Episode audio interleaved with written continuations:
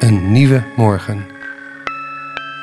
Een serie korte geluidsimpressies over een experiment in een verzorgingshuis in Utrecht Oost, waar hoogbejaarden samenwonen met jongeren.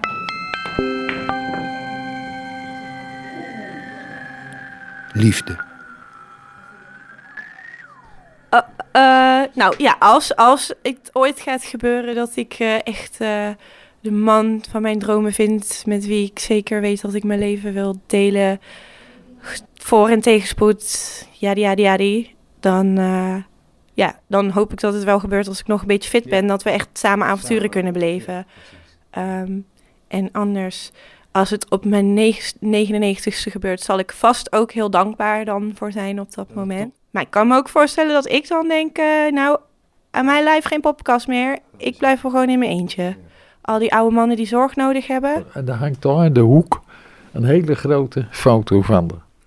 Dus een reken mijn manier ga ik wel eens stoffen. Mm -hmm. Maar ja, dan kom ik bij die grote foto, ja, en dan vinden mijn lippen die van haar. Ja. Uh, andere mensen zouden misschien zeggen, wat raar. Ik vind het, en het is niet dagelijks. Maakt niet uit, nee. Maar ik bedoel, ze is gewoon bij me nog. Maar in het algemeen geloof ik best dat je nog verliefd op elkaar kunt worden. Maar het lijkt mij moeilijk als je een van beiden of beide lang alleen zijn geweest, om dan samen te gaan wonen. Dus dan krijg je veel meer een latte relatie. Maar, uh, maar ik geloof er wel in dat ze nog wel op een bepaalde manier echt verliefd kunnen worden. En ook nog wel liefdesuitingen kunnen hebben.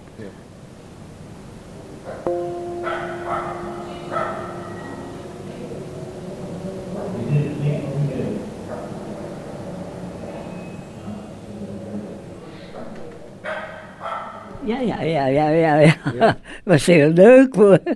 Dat heb jij nog meegemaakt, mevrouw Drok en meneer uh, Kooi. En die woonden hier allebei op de gang. Mm. Uh, ik vond het enig. Ik vond het wel leuk. Dat, uh, en zo zijn er nog wel een paar relaties geweest, maar die ken ik niet zo goed. Maar die twee hebben uiteraard. En uiteindelijk uh, is er toch met een van de dames op de gang, waarvan ik ook al eigenlijk wist welke dame het zou betreffen, uh, is er eigenlijk nog wel een leuke relatie ontstaan. En uh, ja, dus dat gebeurt wel. Nee, ik heb echt wel het gevoel dat, uh, dat ze echt wel gevoelens voor elkaar hadden. Ik heb ze verder natuurlijk nooit intiem met elkaar gezien, maar ze liepen wel leuk gearmd naar de gaard, naar het winkelcentrum of soms gingen ze naar de kerk Ja, maar ik heb, het, ik heb het ook aan Bianca uitgelegd. Ze zegt, oh, nou weet je wel. Leuk.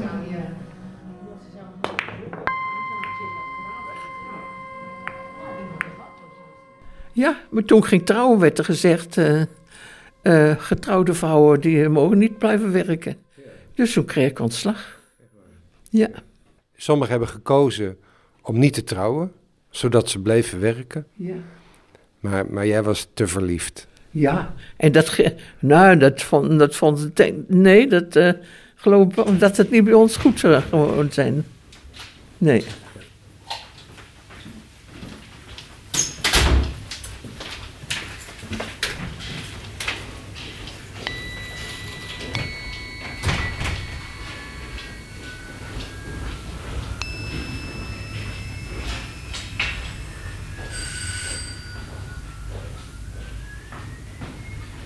Ik, ik werkte graag. En in mijn tijd ja, moest je ontslag nemen.